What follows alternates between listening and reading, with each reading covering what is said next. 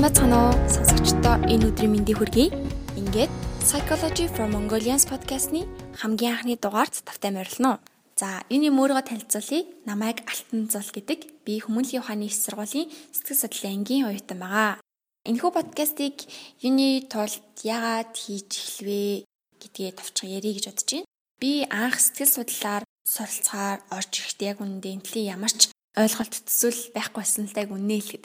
Тэгээд энэ мэрлийг сонгоод орох байна гэдэг маань ойр дотны маань хүмүүс сонсоод энэ талаар ямар нэгэн зөвлөгөө авах гэхээр тухайн хүмүүс маань өөрсдөө төдийлөн тодорхой ойлголт авахгүй төсөөлөл байхгүй а тэгээл нэг Монгол дөнгөж хөгжиж байгаа салбар гэсэндээ ажлын байр байгаа мó да гээл нэг тиймэрхүү л хүрээний хариултыг өгдөг байсан. Одоо ингээ харахаар тухайн үед ер нь бол яг гинтлийн ойлголт байхгүй байна гэдэг чинь өөрөө сэтгэл судлалын шинжилгээ ухааны талаарх тийм олон нийтийн дунд буруу төсөөлөл, буруу ойлголт яваад байна гэсэн үг л дээ. Тэгээд магадгүй зөв ойлголт, зөв одоо мэдээллийг авах тийм их сурвалж гарцсан. Тэгээ тиймэрхүүнүүд нь бага үдийн болов гэж бодсон. Одоо ч гэсэн ингээ харахад өнөөдөр бол мэдээллийн 900 өссөн зүйлсийн талаар зүгээр нэг интернет дээр бичиж хайгаал ганц давч дараал тэр тухай мэдэж болно. Сайтуудаар өчнөө мэдээлэл байна. Ном аваад уншиж болж гин. Хүмүүстэй ярилцаа сонсч болж гин. Гэхдээ яг шинжлэх ухааныхан бодит мэдээллийн талаар баталгаатай тэр ойлголтын тий тэр мэдлэгийг авахын тулд ер нь бас айгүйх цаг зав шаардлагатна. Тийм учраас нэгт олон нийтийн дунд за магадгүй яг энэ подкастыг сонсох хэдэн хүн ч гэдэг тий яг тэр сонсож байгаа сонсогч нартаа ядаж сэтгэл судлал гих шинжлэх ухааны талаар үнэн зөв бодиттой төсөөлөл мэдээллийг хүрхийг хүсэж байгаамаа нэг тийм зөв ойлголттой болмоор байгаа байхгүй. Хоёр дахь нь болохоор Хэрвээ та энэ сэтгэл судлалын талаар сурахыг мэдхийг маш их хүсэж байгаа хэрнээ цаг зав байхгүй бол энэ подкаст танд тусална гэж хэлмээр байна. Мэдээж бид нар подкастын даваа талыг бол өнөө үед бол хүн болгон бараг мэднэ. Хэрвээ та анх удаага подкаст сонсож байгаа бол танд ер нь подкастын талаар бяцхан тийм өөрийнхөө үзэл бодлыг хуваалцъя л да. Би өөрөө подкаст бол сонсох дуртай. Тэгээд мэдээллийг хамгийн амархан хэлбэр аргаар олж авах боломж юм шиг надад санагддаг л да. Мэдээж яг юм уншиж болж бичлэг үзээд ч юм уу те сонсож бас болж юм. Гэтэ подкаст маань өөрөө зүгээр л хаанч байсан ямар ч үед чивчээ аваад зүөхөд шинэ мэдээллүүд мэдлгүүд миний тархилуу ингээ орж идэг тийм айгу боломжтой энгийн хялбар зүйл байгаа. Тийм учраас би өөрөө подкаст сонсох айгу дуртай. Аа тэгээд цаашлаад ном унших цаг зав байдаггүй. Тийм мэржлийн ном ер нь бол бас жоохон ойлгоход түүхтэй хэцүү байдаг. За яг сайтуудын мэдээллүүдийг авч болно. Гэтэ тэд нар маань бас баталгаатай үнэнөө гэдэг тал дээр жоохон эргэлзээтэй тий. Тийм учраас сэтгэл судлалын талаар мэдхийг хүсэж байгаа бол сэтгэл судлалын подкаст маань танд тус болно гэдэгт итгэлтэй байна. За тэгэхээр одоо бүгдээрээ хамтдаа нэг асуултанд хариулах гэж оролцгоё. Сонсогч та сэтгэл судлалын шинжилгээ ухааныг юуны тухай шинжилгээ ухаан гэж бодож байна вэ? Ер нь юуг судалдаг гэж ойлгож байна вэ? Энэ талаар бодоод үзээрэй. Тэгэхээр сая эхлэлтэй ч гэсэн ярьлаа. Хүмүүсийн дунд сэтгэл судлалын шинжилгээ ухааны талаар буруу төсөөллүүдтэй төрөл бүрийн ойлголтууд байдаг гэд. Тэгэхээр хамгийн ихний бидний бодож үзэх ёстой зүйл бол ер нь энэ шинжилгээ ухаан маань яг юуг судалдаг вэ гэдэг талаар ярилцгаая. За албан ёсны тодорхойлолт нь бол сэтгэл судлал нь зан үйл ба сэтгцийн процессыг судалдаг шинжилгээ ухаан юм гэж байгаа юм л да. За магадгүй хэрвээ та энэ тодорхойлолтыг анх удаага сонсож байгаа бол ойлгоход жоохон хүндрэлтэй байж болно тодорхойлолтын гарт байгаа ялангуяа зан үйл сэтгцийн процесс гэсэн үгийг одоо та бүхэнд энгийнээр тайлбарлаж өгье л да. Тэгэхээр зан үйл гэж юу вэ гэхээр APA буюу Америкийн сэтгэл судлалын нийгэмлэгийн тайлбар толон дээр зан үйлийг тайлбарлахдаа өдөөгчд хариу үйлдэл үзүүлж буй ажиглагдаж хэмжигдэж болох үс бүх төрлийн үйлдэл хөдөлгөөн ба үйл ажиллагааг хэлнэ гэсэн байт юм байна. Ер нь энгийнээр тайлбарлах юм бол зан үйл гэдэг маань бидэнд шууд ажиглагдаж байгаа зүйлсийг хэлнэ. Жишээлбэл та яг одоо магадгүй хажууч хүн байвал тэр хүнийг ажиглаад үзээрэй. Тэр хүн ямар байгааг нь та зан үйлээр нь ажиглаж харж болно. Магадгүй таны хажууд байгаа хүн чинь ууралсан, стресстэй байх юм бол та тэр хүний хөмсгөө зангидсан байгааг нь хэлж ярьж байгаа үг хэлээр нь ч юм уу те анзаарах боломжтой. Харин хин нэгэн баяр баясгалантай жаргалтай байна гэдгийг бид нар тухайн хүний инээж байгаа гаргаж байгаа үйл хөдлөлөөр нь те тэдраар нь мэдэх боломжтой. Тэгэхээр тэдгэрийг нь зан үйл гэж шинжилээд байгаа юм л да. Зан үйл нь ер нь бол энгийн ойлголт та хаан ч гэсэн хүний зан үйлийг ажиллах боломжтой. Ер нь бол инээж байгаа хүүхэд за тэгээл хичээлээ хийх гэж сууж байгаа тий хичээл зүтгэл гаргаад ширээний хаар суудсан байгаа тэр оюутан сурагч эсвэл хамтдаа гадуур хөтөлцөөд алхаж яваа хосууд автомашины төвжилт стрессэд сигналаа дарж байгаа тэр хүн энэ мэтчлэн ингээд хүний зан үйлийг бол хаанаас ч гэсэн ачлаж харж болно. Эдгээр зүйлсийг бол зан үйл гэж нэрлэдэг байгаа. За дараагийнхаа нь ойлголт болохоор сэтгцийн үйл ажиллагаа гэж байгаа. Монголд зарим номонд болохоор оюуны үйл ажиллагаа гэж орчуулагдсан байдаг. Энэ нь юу вэ гэхээр ер нь зан үйлийг тайлбарлахаас баг зэрэг төвөгтэй зүйл. А яагаад төвөгтэй вэ гэхээр энэхүү сэтгцийн процесс буюу оюуны үйл ажиллагаанд маань бидний туршлага, сэтэл, мэдрэмж, бодол санаа гэх мэт зүйлс багтаж байт юм байна л да. Гэхдээ энэ нь шууд ажиглагдах боломжгүй зүйлс юм байна. За жишээлбэл бид хин нэгэнтэй хамтдаа бүтээсэн тэр нэг гайхалтай дурсамжууд байдаг шүү дээ. Тэдгээр за тэгээд та хүмүүстэй ярилцаж хуваалцаж байсан таны тэр бодол, үзэл бодол, санаанууд чинь мөн магадгүй бага насндтай тохиолдсон хөвгчлөлтэй, сургамжтай үйл явдлууд.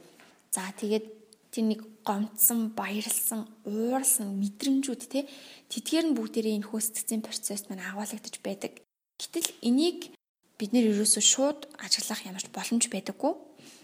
За тэгээд хэрэв болтгсон бол те хүний яг юу бодож байгаагийн эсвэл өнгөрсөндөө яг ямар дурсамж хадгалагдаж байгаагийн эсвэл яг юу мэдэрч байгааг нь яг кино үзэж байгаа юм шиг дэлгэцэн дээр гаргаж байгаа л удирдлага барайл ухраагаад ч юм уу тий үзэж чаддаг байсан бол бид шууд ингээ ажиглаж чаддаг байсан бол мэдээж маш сонирхолтой гайхалтай байсан. Гэтэл бидэнд тийм боломж байхгүй. Тийм учраас тгцэн процессыг бид нэр ерөөсө шууд ажиглаж харах боломжгүй гэсэн. За гэтэл бас зарим сонсогч маань яг одоо гайхчихж магадгүй шууд ажиглаж болохгүй зүйлийг яг яаж судлах юм бэ гэд те. Ер нь бол сэтгцийн тэр процесс тэр оюуны үйл ажиллагаа маань өөрөө хэдий шууд ажиглахдаггүй гэхдээ тийм таны сэтгцтэй юу болж байгаа ч нөөрэ таны гаргаж байгаа зан үйлээр чинь илрээд гарч идэг. Тийм учраас сэтгэл судлаач нар хүний зан үйлийг нь ажиглаж судлаад гаргаж байгаа зан үйлээр нь дамжуулан тухайн хүний сэтгцэд ямар үйл явдал өрнөж байна вэ? юу болж байна вэ гэдгийг нь судалдгаа гэсэн. За ингээд одоо тодорхойлоод тэгэхээр энэ санаа л да. Сэтгэл судлал нь зан үйл ба сэтгцийн процессыг судалдаг шинжлэх ухаан юм. Одоо ингээд сонсгоо та бүхэнд ойлгомжтой болж байгаах. Тэгэхээр зан үйл гэж яг юу вэ? Сэтгцийн үйл ажиллагаа гэж юу вэ гэдэг талаараа хэвлээ ойлголттой боллоо. За одоо харин бүгдээрээ хамтдаа psychology буюу сэтгэл судлал гэх үгийнхээ үүслийн талаар сонсцгоё. За англиэр бол psychology, орсоор бол психолог гэдэг.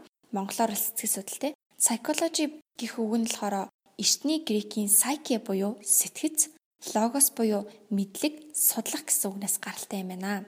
Эртний грект энэхүү psyche гэх үгийн үүслийн талаар нэг нь домог байт юм байна. Тэгээ энэ домгийн хэдүүлээ хамтдаа сонсцгоё. Домогт юу гэж өгүүлсэн байдаг вэ гэхээр эртний грекийн хайрын бурхан Тэнгэр Афродитагийн хүү Эрот гэх бурхан үсгэлэнд залуу бүсгүй психе дурлсан юм л да. За психе гэдэг нь орсоор сайке гэдгийг психе гэж хэлээд байгаа. Гэтэл Афродита бурхан өөрийн хүүг өгшгүй бурхтын нийтээ бус харин зүгээр л жирийн нэгэн гаралтай, өөхөх тавилантай, энгийн хүнтэй хувь заяагаа холбохыг хүсэж байгаад нь их л тийм сэтгэл дундуур байсан юм л да. Тийм учраас Афродита бурхан дурлалт хосуудад хит хитэн хүнд сорил туршилтуудыг өгсөн юм байна. Гисэн ч психигийн эротод дурлсан сэтгэл нь маш хүчтэй байсан байна хоёр хосууд бие биентэйгээ дахин уулзахыг маш их хүсэж бие биедээ маш их хайртай байсан.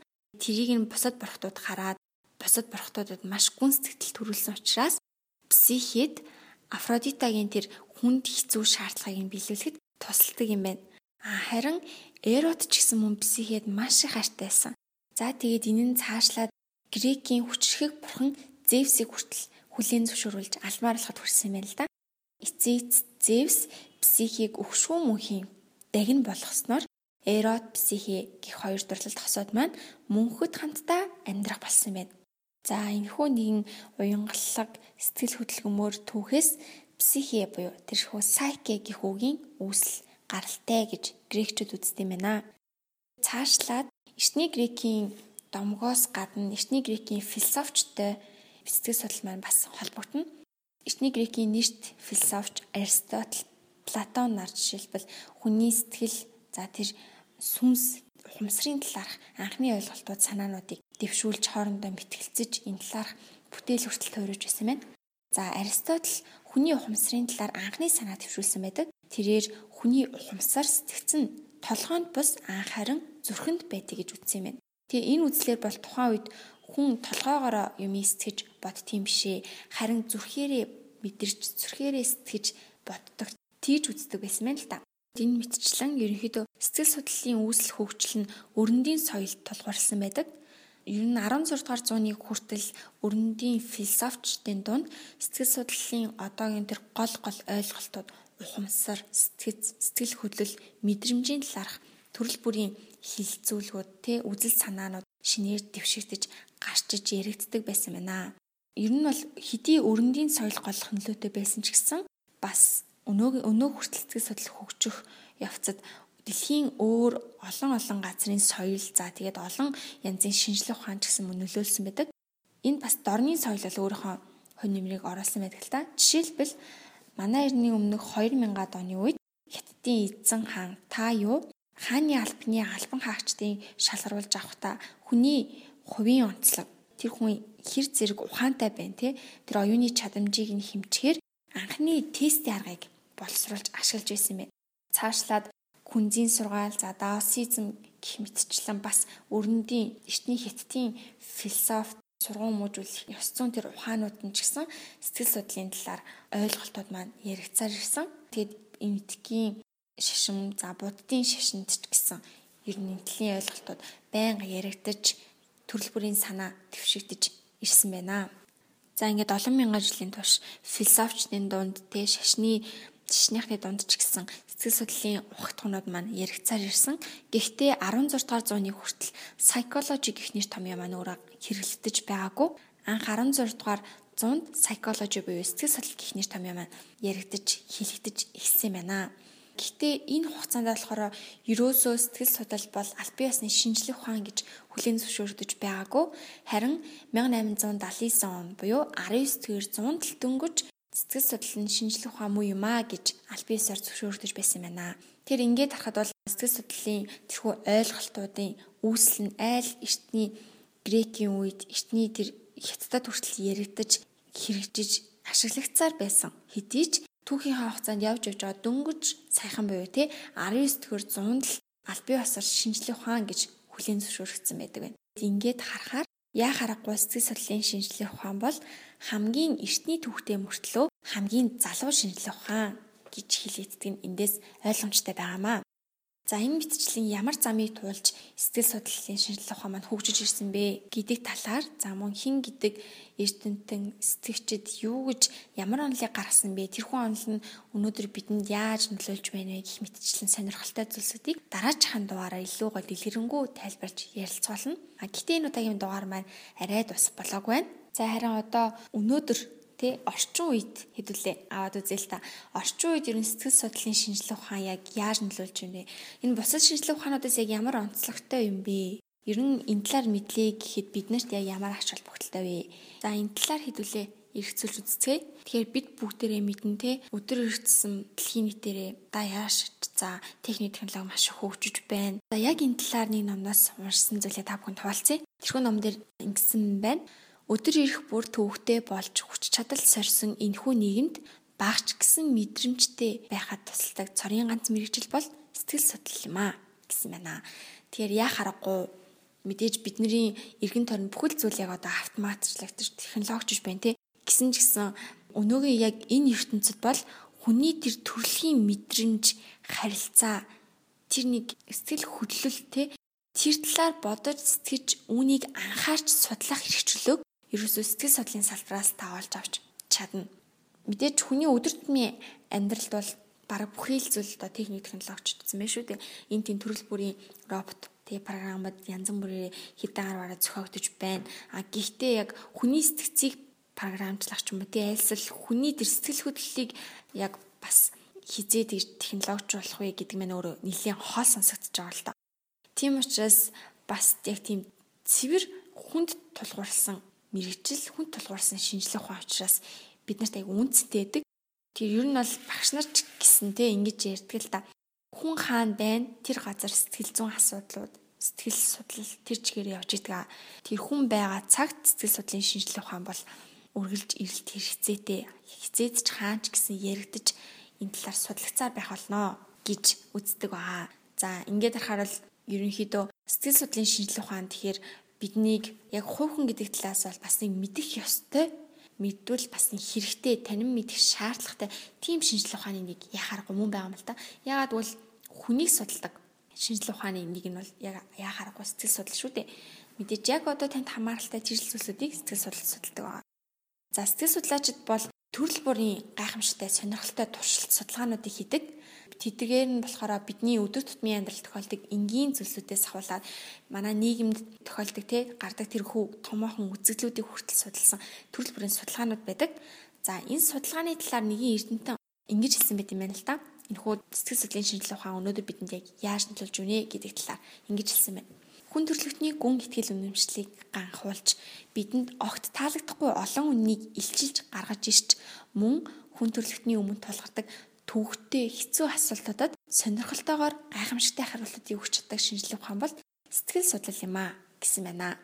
Тэгэхээр та бүхэнж гэсэн тун утгагүй магадгүй дараа дараагийн дугаараас сонсвол те энэ үгс үнэн гэдгийг анзаарах болно. Яг одоо жишээлбэл сонсогч таны амьдралдаа ингээд хэрэгжүүлээд анзаарч харж болох хэдэн судалгаануудын талаар жишээ болгон дуртай л да. Энд гурван судалгаа байна. Тэгэхээр эхнийх нь бид нар л мэдээж мэдэнтэй бидний амьдрал төрөл бүрийн үйл явдлад өрнөдөг бидний төрөл бүрийн маш олон төсөөлөг үзүүлэлт тохиолдож болдог. Гэтэл тэр болгон тэр үйл явдлуудын зарим нь хүний бие бэлтрийн хувьд нөлөөлдөг. За зарим нь сэтгэл зүйн хувьд ч гэсэн нөлөөлдөг. Тэдгээрээс нэг жишээ болгоод нэг судалгаа байна. Энэ болохоор хоёулаас салсан эсвэл сэтгэл ханамжгүй гэрэлсэн хосууд байлаа гэж бодъё л доо. А гэтэл харин би биэндээ маш хайртай, аз жаргалтай амьдардаг тэдгээр хосуудтай харьцуулахад эхний хосууд маань илүү их өвчин тусах магадaltaй байт юм байна. За магадгүй та энийг те боддоор ингээд амьдрал дээр ямар нэгэн тохиолдол байх юм бол бас ажиглаад үзээрэй. Дараагийн судалгаанд болохоор мэдээж өнөө үед бол эрэгтэй болон эмэгтэй хүмүүсийн хүч бол бараг тэнцэж штэ тий. Одоо юу юм чи өнгөрсөн зуунуудад бол тий зөвхөн эрэгтэй хүн ийм ажлыг хийд юм аа. Ер нь бол тий эрэгтэй хүнтэй холбоотой тийм ажлууд аягүй байсан шүү дээ. За жишээлбэл улс төр байна. За шинжлэх ухаан, тий инженер энэ салбаруудад эмэгтэй хүн төдийлнийх ажиллаад байдаг байсан. Гэтэл одоо орчин үед бол эрэгтэй хүний хийдэг ажлыг эмэгтэй хүн ч гэсэн хийж чаднаа гэд гарч ирээ. За тэгээд эрэгтэйчүүдийн тэр хийдэг байсан ажлыг эмэгтэйчүүд яг адилхан хийгээд зарим үед бүр илүү амжилттай амжилт үзүүлээд явах ийм тохиолдол байна те. А энийг болохоор судалсан судалгаа байт юм байна. Тэгэхдээ хэдий ингээд эрэгтэй эмэгтэй хүмүүс ажил мэргэжлийн тал дээр ин тэнцэж байгаа юм шиг харагдаж байгаа ч гэсэн судлаачид судлаад үзэхээр зарим нэг математикийн чадварыг шалгах тэ зарим тестний үр дүнд эрэгтэйчүүд эмэгтэйчүүдээс илүү өндөр оноо авт юм байна гэдгийг тогтоосон байна. Тэрэндээс юу олж харж болох вэ гэхээр ер нь эрэгтэй хүмүүс эмэгтэйчүүдээс илүү тэр математикийн одоо тэр асуудлыг шийдвэрлэх юм уу тиймэрхүү тал дээр угаасаа цаанаасаа өгсөн өгөгдөл нь ч юм уу илүү өндөр байдгаа илүү байдгаа гэж харж болох нэ. За дараагийнхын судалгаа болохоор аэробикаар хичээлдэг хүмүүс байла тий. Тэдгээр хүмүүс нь зөвхөн одоо би бэлтрэн ингээд хөгжөөд би би физиологи нь эрүүл сайхан байгаад байгаа юм бишээ харин мөн сэтгэл зүйн хувьд ч гэсэн тухайн хүмүүст өөрчлөлт орж байгаа гэдгийг тогтоосон байна л да. Тэгэхээр аэробикээр хичээлдэг хүмүүс нь төгшүүрийн мэдрэмж нь багасдаг мөн өөрийнхөө хүндэтгэх үзэл нь дээшлэлт юм байна. Эндээс юу арч болох вэ гэхээр мэдээж орчин үед бол спортоор хичээлхийг бол тий хүмүүс маш их дэмждэг болсон айлах эрүүл амьдралын хэм маягийг эрхэмлдэг болсон байгаа. Хэрвээ та спортоор хичээлдэг бол та спортоор хичээлээгээд таны бие физиологч нь л ингээл өсч эрүүл болоод тий нь ингээд булчин гучин хөгжүүл мэдгэдэггүй зөөрчлөлт зөвхөн бие физиологчон гараад байгаа юм бишээ. Таны сэтгэл зүйд ч гэсэн өөрчлөлт орж болт юм шүү гэдгийг эндээс харж болно. Та илүү их anxiety гэж ярьдэн штэ одоо төгшүүр тий anxiety тэр төгшүүр нь илүү багасдаг юм байна. Спорт орчилвол за тэгээд та илүү өөрөө өөртөө ихтэй болох нь цаашлаад магадгүй ямар нэгэн сонголтын дээр те өөртөө ихтэйгээр ямар нэгэн сонголтыг хийж шийдвэр гаргалтан ч гэсэн нөлөөлдөг гэж болох юм. Энэ мэтчил нь ингээд яг одоо та өөртөө туршиж хэрэглэж болох үз альсэл ойр тойрныхоос олж харж болох үз ийм сонирхолтой хэрэгцээтэй судалгаа туршлагуудыг бол сэтгэл судлаачид маш их хийдэг. За одоо ингээд ерөнхийдөө сонсогчд маань сэтгэл судлалын талаар тодорхой хэмжээний ойлголттой болсон гэж найдаж байна та бүхэн бол сэтгэл судлалын шинжилгээ ухаан яг юуг судалт юм бэ? За сэтгэл судлаач дээр юу хийд юм бэ? Магадгүй товчхон ч гэсэн те ямархуу түүхийг дамжаад өнөө үед ирсэн бэ гэх мэтчлэн тодорхой ойлголтуудыг авсан гэж найдаж байна. За одоо харин хэвлэлийн хамтдаа энэхүү сонирхолтой шинжлэх ухаан маань манай Монгол улсад хизээнээс эхэлж үүсч хөгжиж эхэлсэн бэ гэх талаар авч үзье. За ер нь бол манай Монгол улсад хэдий сэтгэл судлал гих мэрэгжил маань за энэ шинжлэх ухааны нэр томьёо сүүлд орж ирсэн ч гэлээ бидний энэ ёс заншил өв уламжлалт сэтгэл судлалын шинжлэх ухааны ухагтхан ойлголтууд шингэсэн юм шиг санагдал та. Нэг жишээ байна л да. Бид нэр одоо өвөг эцэд маань ингэж хэлдэг шүү дээ. Уур биеийг зовоон, уул морийг зовоон. Тэгэхээр ийм мэдчлэн тэр шинжлэх ухаанаар батлагдсан зүйлс маань аль хэдийнэ ингээд бид нарт зүүц зүгээр маань дамжаад ирсэн мэдэг. Мэдээж уур биеийг зовоно гэдэг бол ойлгомжтой. Тухайн хүн ууралж байна гэдэг чинь тухайн хүний бие физиологт ч гэсэн өөрчлөлт орж байгаа. Зүрхний цохилт хурцсан, цусны эргэлт ч мөн адил хурцсан тий нүгэр ам улаан, за гар хөлс салгална энэ мэтчлэн бие физиологт л ерөнхийдөө тийм сөрөг нөлөөг бол аягүй хүзүүлдэг. Цаашлаад стресстэй уур бухимдалтай удаан явах нь ойр ойрхон уурлаж бухимдах нь тухайн хүний тархлын системд ч гэсэн хор нөлөөтэй гэдгийг бол шинжлэх ухаанаар хэзээ судлаад нотолчихсан байна. Энэ мэтчлэн яг ийм сэтгэл судлалын шинжилгээ ухаанд хамаатай иймэрхүү ойлголтуудыг манай өвд эцэд аль хэдийн өөрсдөө зүгээр энгийн ахуйн тэр явцдаа ажиглаад мэдээ таньсан тэрийгэ үр хойчтой зүр цэцэн үг аман яриа за үлгэр домог тэрүүгээрээ дамжуулаад өвлүүлдэг байсан баамаа. За харин яг албан ёсоор хизээ хамгийн анх сэтгэл судлал гих шинжилгээ ухаан маань танигдаж эхэлсэн бэ гэхээр 1963 онд Зэ Нина болон Д Дашхүү гэх хоёр ихэн Москвагийн улсын их сургуульд сэтгэл судлалын мэрэгжлийг эзэмшиж Монголд ирж байсан байна. Өөрөөр хэлбэл Монголд хамгийн анхны сэтгэл судлалын боловсролыг яг мэрэгжлийг эзэмшиж ирсэн хоёр хүн бол энэ хоёр хүндтэй хүмүүс юм байна л да. Гэхдээ ерөнхийдөө сэтгэл судлал нь хамгийн анх сургууль хүмүүжлэх ухаанаар Монголд танигдах болсон. Ц Арслан Б бор багш нар нь сургууль мужиглэх ухаанаар дамжуулан сэтгэл судлалын арга барил за энэ төрлийн судалгаануудыг бол нэлээд их явуулж маш их зүйлийг хэр бүтээдэг байсан байна. Ардын сургууль мужиглэх ухааны дотор судалгаа шинжилгээ маш их хийгдэг байсан. А гэхдээ эдгээр нь хараахан сэтгэл судлалын бие даасан судалгаа болж чаддгүй байсан байна. За ингэж явж байгаад бидний сайн мэдих одоо Монгол улсын сэтгэл судлалын загалмайлсан эцэг гэж бараг хэлж болох үст те. Дэ Санжжа багш хамгийн анхны сэтгэл судлалын бие даасан судалгааг явуулж ирсэн байна. Тэр нь болохоор өсвөр насны хүүхэд болон тэдний анхаарал төвлөрөлттэй холбоотой тийм судалгаа байсан байна. За ингээд энэ үеэс эхлээд ер нь Монгол улсад сэтгэл судлал гэх үг танил болж эхэлсэн юм байна. За ингэж явж байгаад 1990-ад оны үед манай Монгол улсын түүхэнд нэгэн чухал үйл явдал болсон. 1990-ад оноос эхлээд яг ардчилсан хувьсгалын эхлэл тавигдаад одоо хуучин социалист систем задран унаад зах зээлийн чөлөө систем рүү орж байсан маш тийм нийгмийн эзэгтэй үе байсан байна л да. Тухайн үед зөвлөлт холбоотой улсаас Монгол улсад те манад үзүүлдэг тэрхүү зээл тусламжууд нь бүгдээрээ зогсоод экспортын бараанд хамаагүй өндөр татвар тавьдаг болсон байна. Тэгэд энэ хүү үйл явдал нь манайх шиг юм жижигхэн орны хувьд эдийн засгийн маш хүнд байдалд юм байна. Яг энэ үед засгийн газраас арга хэмжээ аваад 20 дугаар тогтоолыг баталж байсан байна. Тэгэхээр энэ хүү тогтоолын талаар товчхон мэдээлэл өгөх болохоор энэ хүү алдар тогтоол нь эдийн засгийг зах зээлийн зохицуулалтанд шилжүүлэх зарим арга хэмжээний тухай байсан юм байна л да. Тэгээд бидний аав ээжүүд мөн эмээ өвнөртэй агч нар ярьдаг шүү дээ картын бараанд ороод айгүй хэцүү байсан нэг үе байсан гэж ярьдаг. Тэгэхээр тэр үе маань яг энэ тогтоолтой холбогдож байгаа. Энэхүү тогтоол нь 1991 оны 1 сарын 15-нд батлагдчих байсан. За 1 сарын 15 гэхээр одоо бид нар одоо ч гэсэн ярьдаг шүү дээ. Аванц гэж хэлдэг те.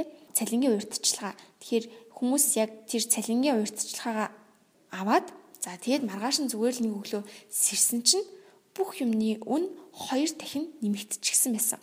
Та бүхэн төсөөлөд үзтээ. Магадгүй яг энэ талаар тий анх удаа сонсож байгаа хүмүүс байх юм бол сонин сонсогч магадгүй тий бид нар ингээл яг унтаал тий зайг цалингаа аваад ч юм уу тий яг цалин буусныхаа оройн унтлаа. За тэгээ маргааш өглөө босоод ирсэн чинь одоогийн бензиний үнийн талах тариа юу бэ тийм тэгээ бүхэл үргийн хэрэглээний барааны үн бүгд хоёр дахин өсчихсэн байвал биднэрт яг яаж вэ те мэдээж энэ маш хэцүү юм цочрол хөсөн байна л да.